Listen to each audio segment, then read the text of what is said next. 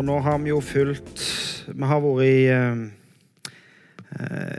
i frelseshistorien, eller i den store fortellingen, som vi har kalt det. Begynt i Gamle testamentet med Adam og gått utover. Eh, og nå er vi kommet til Josef, og derfor skal vi ha om Josef i dag. Skal jeg få det opp her på skjerm, tror jeg. Ja. Og det er jo klart det at eh, Hva skal du ta fram om Josef? da? Det er mange kapitler. Der er Fra kapittel 20-30 og til kapittel 50. Og egentlig enda lenger tilbake hvis du skal ha med fødsel, sånn sett, men hvis du skal ha med Josef sitt liv, eh, så er det de kapitlene fra kapittel 20-30 og til kapittel 50. Og det er mange kapitler. Eh, og det som jeg har gjort tidligere, når vi har hatt om Abraham og om Isak og om Jakob, og sånn, så har jeg tatt ut ett stykke, en bibeltekst, og på en måte hatt, og hatt den som fokus, uten å fortelle sånn sett hele historien om Abraham eller hele historien om Isak eller hele historien om Jakob. Men, men i dag tenkte jeg faktisk at jeg skal prøve å ta hele fortellingen. Vi skal ikke lese alle kapitlene, altså alle versene. vi skal ikke det. Uh, men jeg skal prøve å fortelle historien om Josef tre ganger, faktisk. Og så skal jeg gjøre det med en, en, eh, en baktanke. skulle Jeg sagt. Jeg skal prøve å, å anvende et, eh, et, et tolkningsprinsipp, eller en, en, tolkningsnøkkel, eller en måte å forstå teksten på. Og Den første gangen skal jeg prøve å fortelle Vi skal lese en del vers, og vi skal gjenfortelle historien raskt for å på en måte sette den inn i den originale eh, konteksten, eller den, den Skal du si den originale meningen. Det som eh, var det som historien var den gangen den ble skrevet, og det som de første tilhørerne hørte. Og Så kunne vi for så vidt snakket mye rundt det, altså, men vi skal prøve å gjøre det forholdsvis eh, raskt. Og så skal vi gå gjennom det en gang til. Eh, og Da skal vi se på det i et frelseshistorisk lys. Da skal vi se at historien om, om Josef har tydelige paralleller til Jesus. Eh, og da setter vi det inn i konteksten ifra, altså ifra skapelsen av Adam og til Johannes' åpenbaring og ser hva, hva betyr dette. Altså I Gamle testamentet så vi framover mot Jesu fødsel eh, og, og, og, Jesus sin soningsdød for oss. Eh, og I Nytestamentet så ser en på en måte tilbake på det som sentrum for hele, for hele eh, Skriften. Og hvordan settes denne historien inn i det lyset? Og så Den tredje gangen så skal vi prøve å aktualisere. Og hva betyr dette for oss? Hva har det å si til oss i dag? Så første eh, runden tar vi en original eh, mening. Og den andre gangen en frelseshistorisk eh, mening. Og den tredje gangen en aktualisering. Så skal vi se om vi klarer det da, på en halv time ca. Og så tenkte jeg det at når vi har gjort det, eh, siden vi ikke gjør så mye annet i dette møtet, så tenker jeg at jeg skal gi bitte litt tid. Hvis noen har beit seg merke i noe, eller har lyst til å kommentere noe, eller gjerne stille et spørsmål, eller rette opp på noe, eller ja, eh, hva det skulle være, så, så er vi en såpass liten flokk at vi klarer å gjøre det i dag. Men da skal vi begynne i første Mosebok 37. Eh, og så leser jeg litt og hopper litt og kommenterer litt underveis. men Vi skal, eh, vi skal lese en del vers, altså, men vi skal ikke lese vi skal ikke lese helt vers for vers alle kapitlene. Men i første Mosebok 37 og vers 3 Israel, altså det er Jakob, Israel elsket Josef mer enn alle de andre sønnene, for han hadde fått ham på sine gamle dager. Han laget en forseggjort kjortel til ham. Her har vi Israel, altså Jakob, eh, som vi snakket om for 14 dager siden her på, på, på møtet som eh, for så vidt hele sitt liv var en, var en luring. Og som for så vidt ble lurt. Han ble lurt av svigerfar sin. Han tenkte at han skulle gifte seg med Rakel, og jobbet i sju år for å gifte seg med Rakel. Og så fikk han Lea. Og så måtte han jobbe i sju år til, og så fikk han gifte seg med Lea. Nei, fikk han gifte seg med Rakel, som han egentlig var den som han ville gifte seg med. Og så fikk han skal du si, to tjenestejenter på kjøpet, så han hadde egentlig fire koner som han hadde unger med. Eh, Jakob. Men Rakel og, Jos, nei, eh, Rakel og Jakob de fikk ikke unger eh, før eh, ganske seint, skulle jeg sagt. Altså Lea fikk eh, unger lenge før Rakel. Eh, men Josef var, var, var Rakel sin førstefødte. Og derfor ble Josef Jakob sin yndling. Jakob ble mest glad i Josef. Og så var for så vidt ikke Josef den førstefødte, for han hadde jo eh, sin førstefødte med Lea. Men han var den førstefødte til Rakel.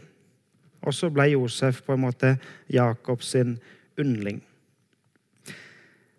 Og så er det vel kanskje ikke sånn en, en far bør oppføre seg overfor sine barn, men det var en sånn historien om, om Jakob og Josef eh, var. da. Og så vers fire. Men, men da brødrene så at faren elsket ham mer enn alle de andre, la de ham for hat og kunne ikke si et vennlig ord til ham. En gang hadde Josef en drøm. Han fortalte den til brødrene sine. Hatet, da hatet de ham enda mer. Altså, Brødrene til Josef kunne ikke fordra han, rett og slett. Josef hadde for så vidt ikke gjort noe gale, men brødrene følte seg nok urettferdig behandla. Og så var Josef på en måte så frimodig at han fortalte dem om denne drømmen. Han sa til dem, 'Hør hva jeg har drømt.' Se, vi var ute på åkeren og bandt kornbånd, og kornbåndet mitt reiste seg og ble stående, mens kornbåndene deres samlet seg omkring mitt og bøyde seg for det. Da sa brødrene til ham, Hva skal du være konge over oss? Skal du herske over oss? Så hatet de ham enda mer for drømmene hans og for det han sa. Og Det er for så vidt en, skal vi si, en viktig begivenhet i historien om Josef at han drømte denne drømmen, og for så vidt en drøm til lignende. Eh, og, så, er det på en går det gjennom hele historien. Hva betyr denne drømmen til Josef? Og så går på en måte drømmen i oppfyllelse eh, seinere.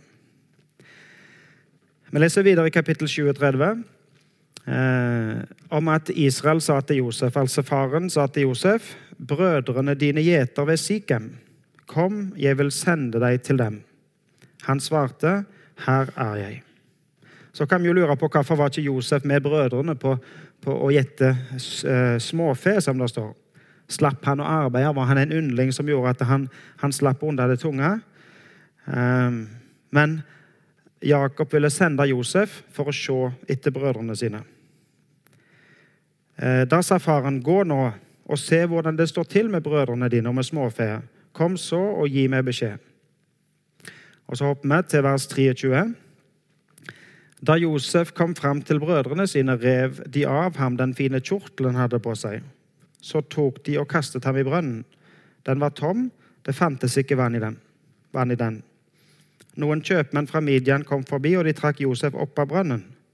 De solgte Josef for 20 sekel sølv til ismalittene, og de tok ham med til Egypt.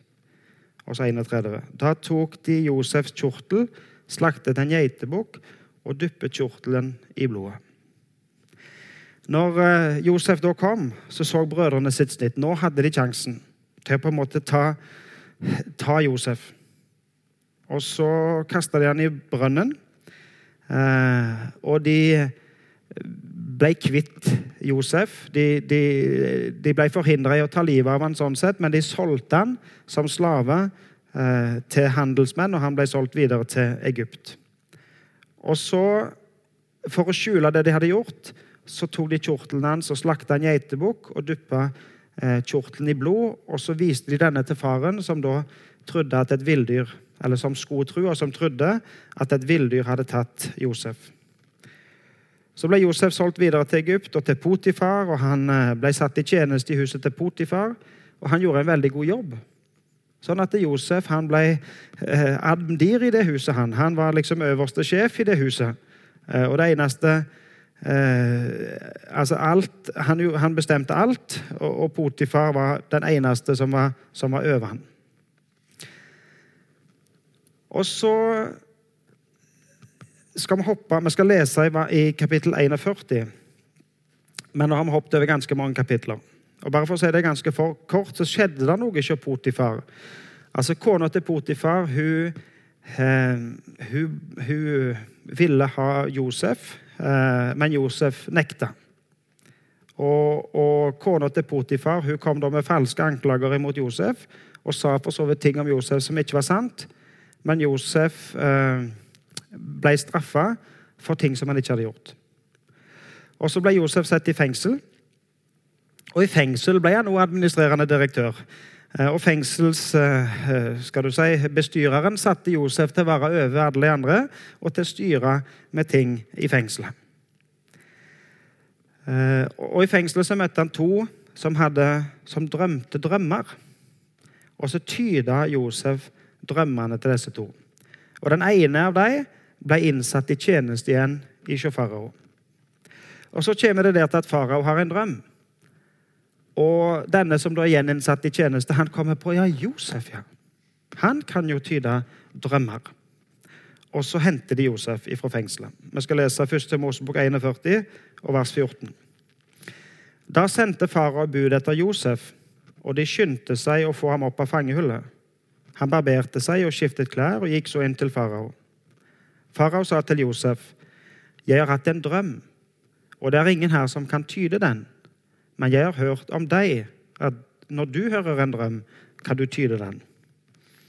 Josef svarte farao, 'Det er ikke opp til meg, bare Gud kan gi et svar som er godt for farao.' Og Så forteller farao om drømmen til Josef, om eh, om de sju kornbåndene som gir sju gode år, og så kommer det sju eh, magre kornbånd som gir sju dårlige år.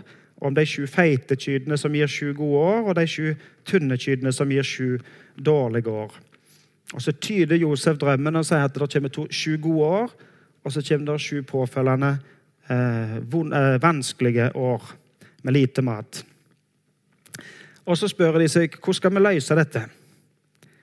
Eh, og Så kommer vi til vers 38 her i kapittel 41, eh, der farao sier til tjenerne sine.: Finnes det en mann som denne, en som har Guds ånd i seg? Så sa farao til Josef.: Siden Gud har latt deg få vite alt dette, er det ingen så forstandig og vis som du. Du skal styre mitt hus, og hele mitt folk skal rette seg etter det du sier. Bare når det gjelder tronen, skal jeg være større enn deg så gjør farao Josef til, til, nestleder i landet. Og så blir eh, Josef satt øverst over alle andre, eh, og det var kun farao som var over han. Så ser vi at eh, der som Josef havner, der som Josef går i tjeneste, der som Josef, de folkene som Josef forholder seg til, så blir han, så blir han plassert Han gjør en så god jobb at han blir plassert over de andre. Og nå er Josef nestleder, statsminister, kall det hva du vil, i Egypt så har Josef tolka og tyda drømmer til de to som var i fengsel, og til farao. Men Josef hadde jo en drøm med seg. Og hva betydde Josef sin drøm? Josef sin drøm var ennå ikke gått i oppfyllelse. Skal vi lese eh, kapittel 42 og vers 5.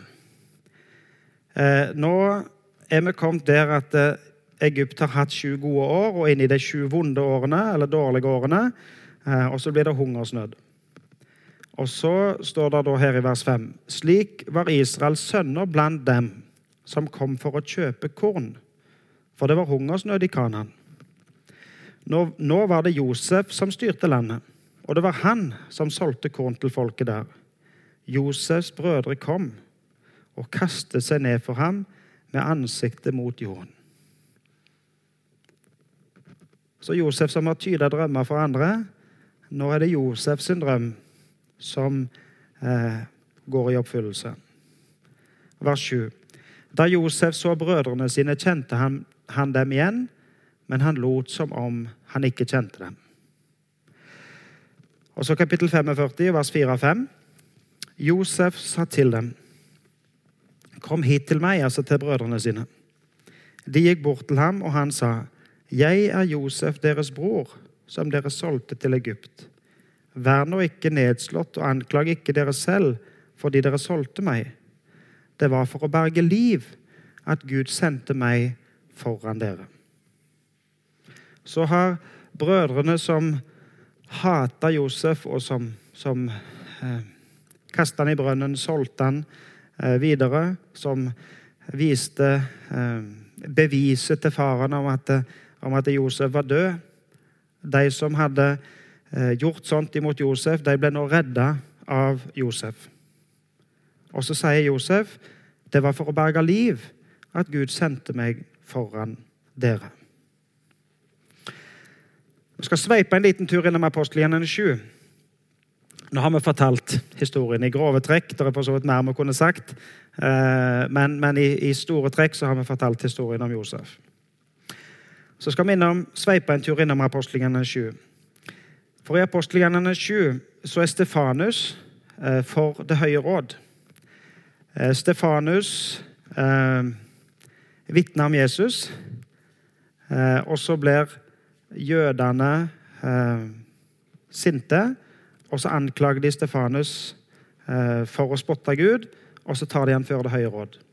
Og Når Stefanus da skal, skal forsvare seg for Det høye råd, så forteller han hele frelseshistorien. Og Vi skal bare duppe rett inn i, i vers 9, eh, der han forteller om Josef. Og Der sier Stefanus stamfedrene ble misunnelige på Josef. Stamfedrene det er jo da brødrene til Josef. De ble misunnelige på Josef og solgte ham til Egypt, men Gud var med ham og berget ham ut av all nød. Han ga ham visdom og lot ham vinne velvilje hos farao, egypterkongen. Og kongen satte ham til å styre Egypt og hele sitt hus. Så ble hele Egypt og Kanan rammet av hungersnød, og nøden var stor. Våre fedre fikk ikke tak i mat. Da Jakob hørte at det skulle være korn i Egypt, sendte han fedrene dit for første gang. Andre gangen de kom, ga Josef seg til kjenne for brødrene sine, og farao fikk vite om slekten til Josef. Da sendte Josef bud og kalte til seg sin far, Jakob og hele familien, 75 personer. Så reiste Jakob ned til Egypt, og der døde både han og fedrene våre. De ble ført til Sikhem og lagt i den graven Abraham hadde kjøpt av Hamors sønner i Sikhem og betalt med sølv. Tiden nærmet seg da Gud skulle innfri det løftet han hadde gitt til Abraham. Folket hadde vokst og var blitt tallrike i Egypt. Det sto fram en ny konge i Egypt, en som ikke visste om Josef. Hvorfor leste vi det? Jo, til og med i Det nye testamentet, når, når Stefanus eh, skal legge fram sin sak for Det høye råd, så begynner han nå med Abraham. Abraham, Isak, Jakob, Josef, Moses, David osv. osv. Og forteller hele frelseshistorien egentlig når, når Stefanus skal forsvare seg for Det høye råd. Og Flere ganger i, i apostelgjerningene spesielt så ser vi at det, historien fortelles og fortelles og fortelles. Eh, og så er det frelseshistorien som fortelles. Og så viser de første kristne Eh, for sine jødiske landsmenn at denne historien handler om Jesus. Og så setter de den inn i en frelseshistorisk setting. Så kan vi ta for oss historien om Josef. Helt Det første verset vi leste nå i kveld, eh, i, vers, i kapittel 37, vers 3, så står det Israel elsket Josef mer enn alle de andre sønnene. For han hadde fått ham på sine gamle dager, og han laget en forseggjort kjortel til ham. Og Så kan vi gå til Nytestamentet og se hva står det om Jesus. Jo, Det står f.eks. i Matteus 3, vers 16 og 17. Da Jesus var blitt døpt, steg han straks opp av vannet, og se, himmelen åpnet seg, og han så Guds ånd komme nedover seg som en due. Og det lød en røst fra himmelen. Dette er min sønn, den elskede. I ham har jeg min glede. Jakob elska Josef. Gud Fader elsker sin sønn og gjør det kjent blant oss at ja, dette er min sønn, den elsker det. Vi kan lese i kapittel 23, vers 13. Da sa Israel til Josef, brødrene dine gjeter ved Sikhem, kom, jeg vil sende deg til dem. Han svarte, her er jeg. Og så kan vi lese igjen i Nytestamentet, Johannes 3, 17. Gud sendte ikke sin sønn til verden for å dømme verden, men for at verden skulle bli frelst ved ham. Jakob sendte Josef til brødrene sine, og Gud sendte sin sønn til oss, til sine brødre, for at vi skal bli frelst ved ham. Og Så kunne vi tatt vers for vers og vist historien om Josef og Nytestamentet og, og, og videre. Eh, og vi kunne gjort det, eh, skal du si Vi kunne, vi kunne brukt hele kvelden på det. Jeg, nå lurer jeg på om dette går an å se. Så jeg leser, ser dere det? Jeg skal bare gå raskt gjennom og ta noen egentlig hovedpunkter av um, det som står om Josef, og det som uh, står om Jesus. Altså, Josef fant sine brødre, og Josef ville de vel. altså Han ønsket de godt. Og Jesus kom til sine egne, kom til sine brødre. Josef han var hata av sine brødre. Brødrene uh, skal du si, var misunnelige på han og, og, og ville, um, ville ta han. Og der står om Jesus at hans egne tok ikke imot ham. Josef, når, de, når Josef kom, så tok brødrene han og rev av ham kappen. Og når Jesus kom, så rev de av han kledene, piska han. Det står til og med de delte klærne seg imellom. Og kjortelen som Jesus hadde, den kunne de ikke rive rundt, for den var så, den var så fin. Og Josef hadde en fin kjortel. Brødrene kasta Josef i en brønn. Og menneskene korsfesta Jesus og, og, la han i ei grav. Um, men Josef ble dratt opp av brønnen, og Jesus sto opp av graven. Josef ble, Josef ble solgt for penger til handelsmennene, og Jesus ble forrådt av Judas for penger. Josef ble anklaget uten grunn, og han ble kasta i fengsel. Jesus var uten skyld, men han ble korsfesta. Josef sona i fengsel i lag med andre forbrytere. Jesus ble korsfesta sammen med forbrytere. Josef forutså ulykken over Egypt, de sju vonde årene, og Jesus talte tydelig om de siste tida. Josef hadde en plan for å redde folket, og Jesus var Guds frelsesplan til oss, eller er Guds frelsesplan til oss. Josef tar imot brødrene sine når de angrer og kommer til han. Jesus tar imot brødrene sine og tilbyr frelse til alle. Josef tilgir brødrene sine, og Jesus tilgir alle som tror på han. Josef gir brødrene sine et land å bo i, og Jesus gjør i stand en plass for oss. Josef gir mat til folket, og Jesus er livets brød. Josef sier tydelig at Egypt er ikke hans hjemland. Når han dør, så skal han tas tilbake. Til og med, altså når, når han er død, så, så frakter de han tilbake og gravlegger han der som Abraham hadde sin grav. Og Jesus har et annet hjemland enn denne verden. Ser dere? Ser dere? Og, og det er mer. Vi kunne hatt enda mer enn dette. Men Josef og Jesus. Historien om Josef og historien om Jesus. Veldig tydelige paralleller. Jeg skal litt tilbake til Stefanus. For Stefanus han forteller historien om, eller han forteller frelseshistorien. Og når Stefanus har holdt på i 51 vers, så kommer han til vers 52. Og så sier Stefanus da i Apostelgjennene 7.: Har det noen gang vært en profet som fedrene deres ikke forfulgte? De drepte dem som på forhånd forkynte at den rettferdige skulle komme. Og så kommer Stefanus til poenget.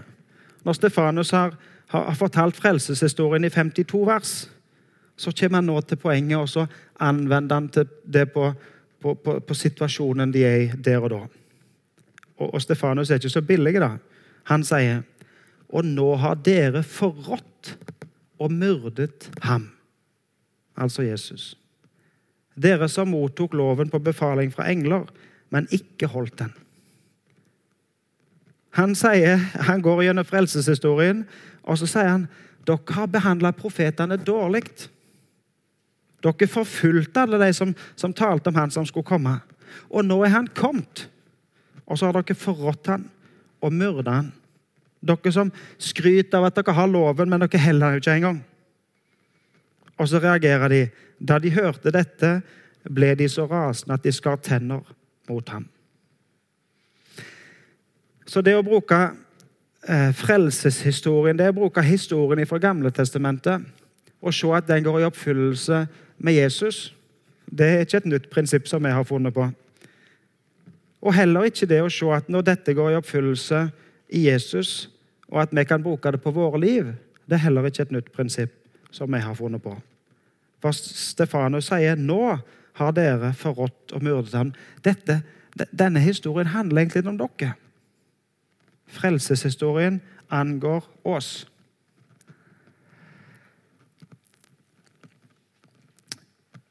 Og så skal vi se hva sier dette til oss i dag.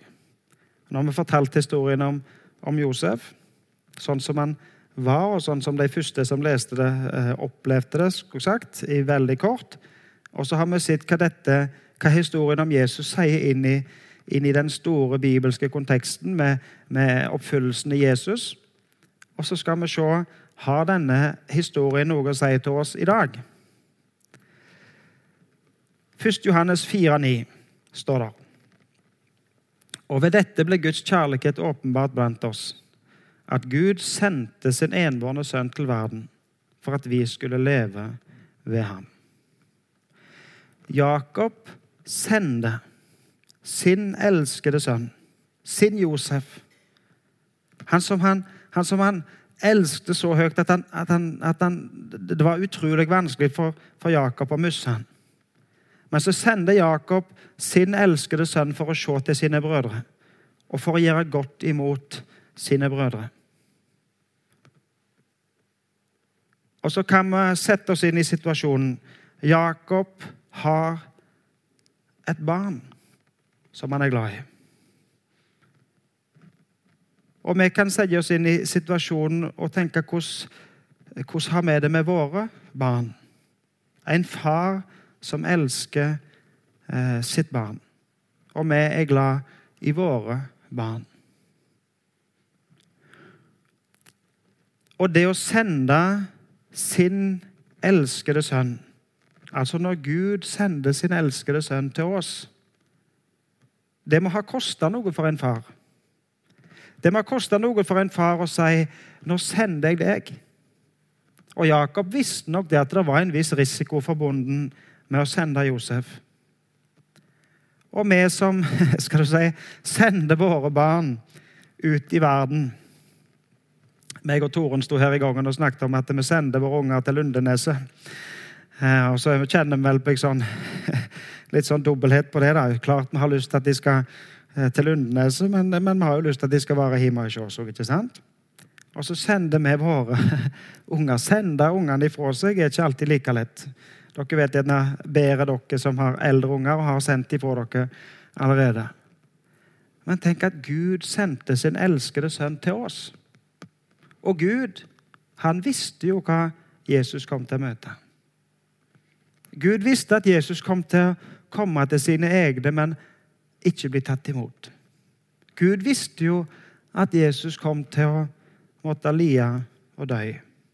Men likevel sendte Gud sin sønn til oss. Har Gud elska oss slik? står det i 1. Johannes 4,11. Da skylder også vi å elske hverandre. Gud elska oss så høyt at han sendte sin sønn til oss. Og vi skulle å elske hverandre, som Josef gjorde med sine brødre. Som Jesus gjorde til oss, til sine brødre.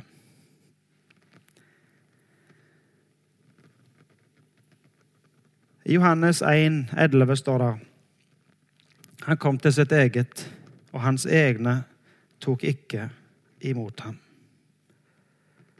Når Jakob sendte Josef til sine brødre, så tok ikke brødrene imot ham. Eller det vil si, de tok jo imot ham, men ikke med glede. De ville han jo vondt. Han ble ikke godt tatt imot. Og det er klart Våre unger kan også oppleve å ikke bli godt tatt imot. Når vi sender våre ut i verden, så kan våre unger også oppleve å ikke bli tatt godt imot. Og det er vanskelig for foreldre å se på at det våre blir behandlet urettferdig. eller um, opplever ting som vi ikke skulle ønske at de opplever. Gud som sendte sin sønn til oss, han opplevde skal du si, det verste av alt.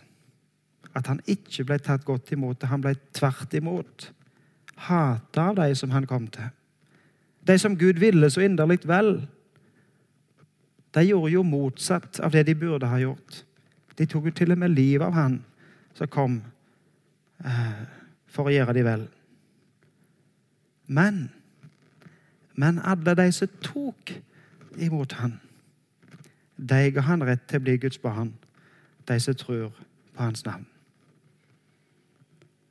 Den som tar imot Jesus, den som tar imot Han som Gud har sendt, han får rett til å bli Guds barn. Og så blir han like elska og like velkommen og like dyrebar i Guds øyne som Jesus sjøl.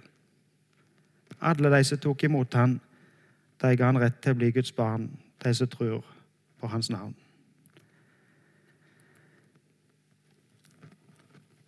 Apostelgjerningen 5, vers 30-31. Våre fedres Gud reiste opp Jesus. Gud reiste opp Jesus, han som dere hengte på et tre og drepte. Ham har Gud opphøyd og satt ved sin høyre hånd som fyrste og frelser, slik at han kan gi Israel omvendelse og tilgivelse for syndene. Jakob får jo beskjed om at Josef eh, er drept. Og det må jo være forferdelig for Jakob å høre eh, og få beskjed om at Josef er, er, er tatt livet av. Tenk for en far å miste sitt barn. Det må være noe av det verste som en far kan oppleve her på jord. Gud opplever at sin sønn blir tatt livet av. Gud opplever at menneskene korsfester, tar livet av, pisker, håner, slår hans elskede sønn. Men så blir Josef redda opp av brønnen. Og Jesus blir skal du si, redda opp av graven. Jesus står opp av graven. Døden har ikke makt over Jesus, og Jesus står opp eh, av graven. Og idet Jesus står opp av graven, så blir du òg redda opp av brønnen, opp av dypet, dratt opp, satte mine føtter på fjell. Oppstått med Jesus. Og Josef blir opphøya blir satt i høye posisjoner. Han blir til og med oppheia av kongen i Egypt, av farao sjøl, og gjort til nestleder i landet. Ham har Gud opphøyd, står det her i vers 31. Jesus ble opphøya.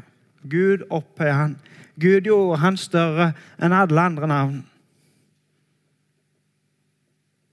Han har Gud opphøyd og satt ved sin høyre hånd som fyrste og frelser slik at han kan gi omvendelse og tilgivelse for syndene. Du er reist opp med Jesus. Du har fått et nytt liv. Du har fått lov å stå opp til et nytt liv og leve det nye livet i lag med Jesus. Og idet Jesus blir opphøya og satt der oppe, så er du satt der oppe med Jesus. Du er blitt opphøya med Jesus.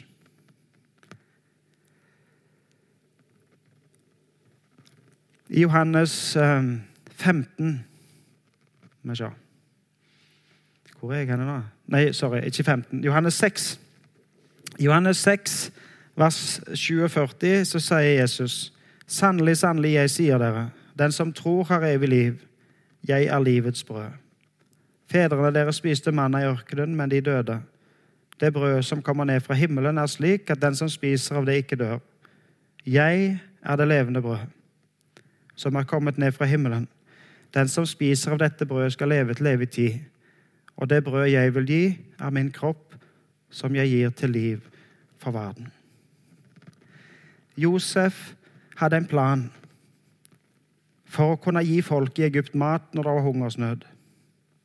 Og så fikk Josef lov å være med og, og, og, og berge folk ifra hungersnød. Og til og med sin egen familie fikk Josef lov å redde ifra hungersnød. Jesus vet at vi trenger mat. Jesus vet at vi trenger åndelig mat. Jesus vet at det, at det er hungersnød her i verden uten han. Og Jesus gir oss mat. Ja, Jesus er vår mat. Jesus er livets brød. Vi lever av at Jesus gir oss mat. Jesus er livet for oss. Uten Jesus er vi døde, åndelig talt. Jesus er livets brød. Josef fikk lov å være med og dele ut til de som bodde i Egypt, og til folk som kom fra andre land for å kjøpe mat i Egypt. Og vi som har fått denne maten, vi som vet at Jesus er livets brød, vi skal også få lov å være med og dele ut. Og Jesus, når Jesus deler ut brød, så blir det bare mer og mer. Når Jesus hadde to brød og skulle dele ut til, eh, til, til, til 5000 mann, så ble det bare mer og mer. Og når vi deler ut det brødet som Jesus gir for verden, så blir det bare mer og mer. Vi skal få lov å være med og dele ut. Og det er mer enn nok mat. Det er nok mat til alle som vil ha. Jesus har nok nåde å gi. Jesus har frelse å gi til alle som tror på Han. Og vi skal få lov å være med og dele. Det var en uh, speed gjennomgang av, av, historien om Josef. Det er fantastisk mye å ta tak i. Vi kunne ta tak i mange av disse versene og gått gjennom det eh, grundigere for den del. Jeg hadde lyst til å gjøre det denne gang og så på en måte ta denne eh, Ja, sånn som jeg sa, at, at i utgangspunktet er det jo en historie som, som en, en sann historie som, som, levdes og som opplevdes den gang på Josefs tid, og som, som, de som hørte historien da, de hørte det som en historie som jeg forteller om ting som har skjedd her skal skal si, i, i nåtida. Og så ble historien sett inn i en frelseshistorisk eh, kontekst. Eh, når du leser hele Bibelen i sammenheng, og når, du, når alt oppfylles i lys av Jesus så har det noe med, eh, med frelsen vår å gjøre og frelseshistorien vår å gjøre. Og så taler det ord til våre liv i dag.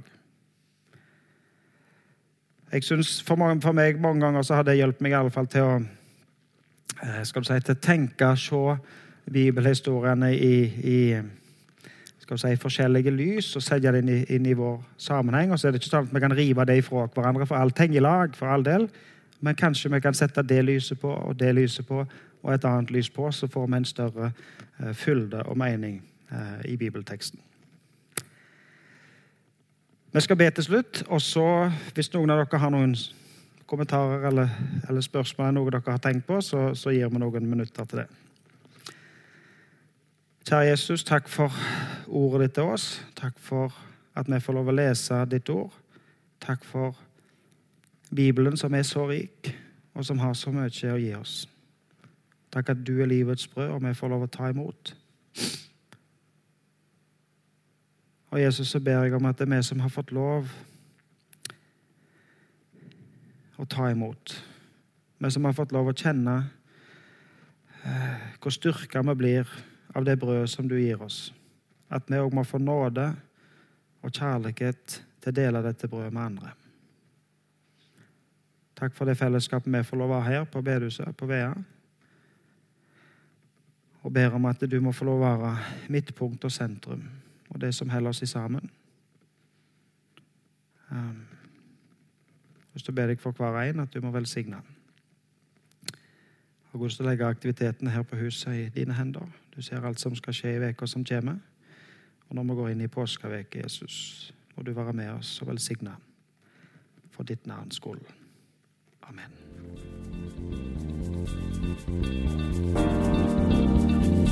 Thank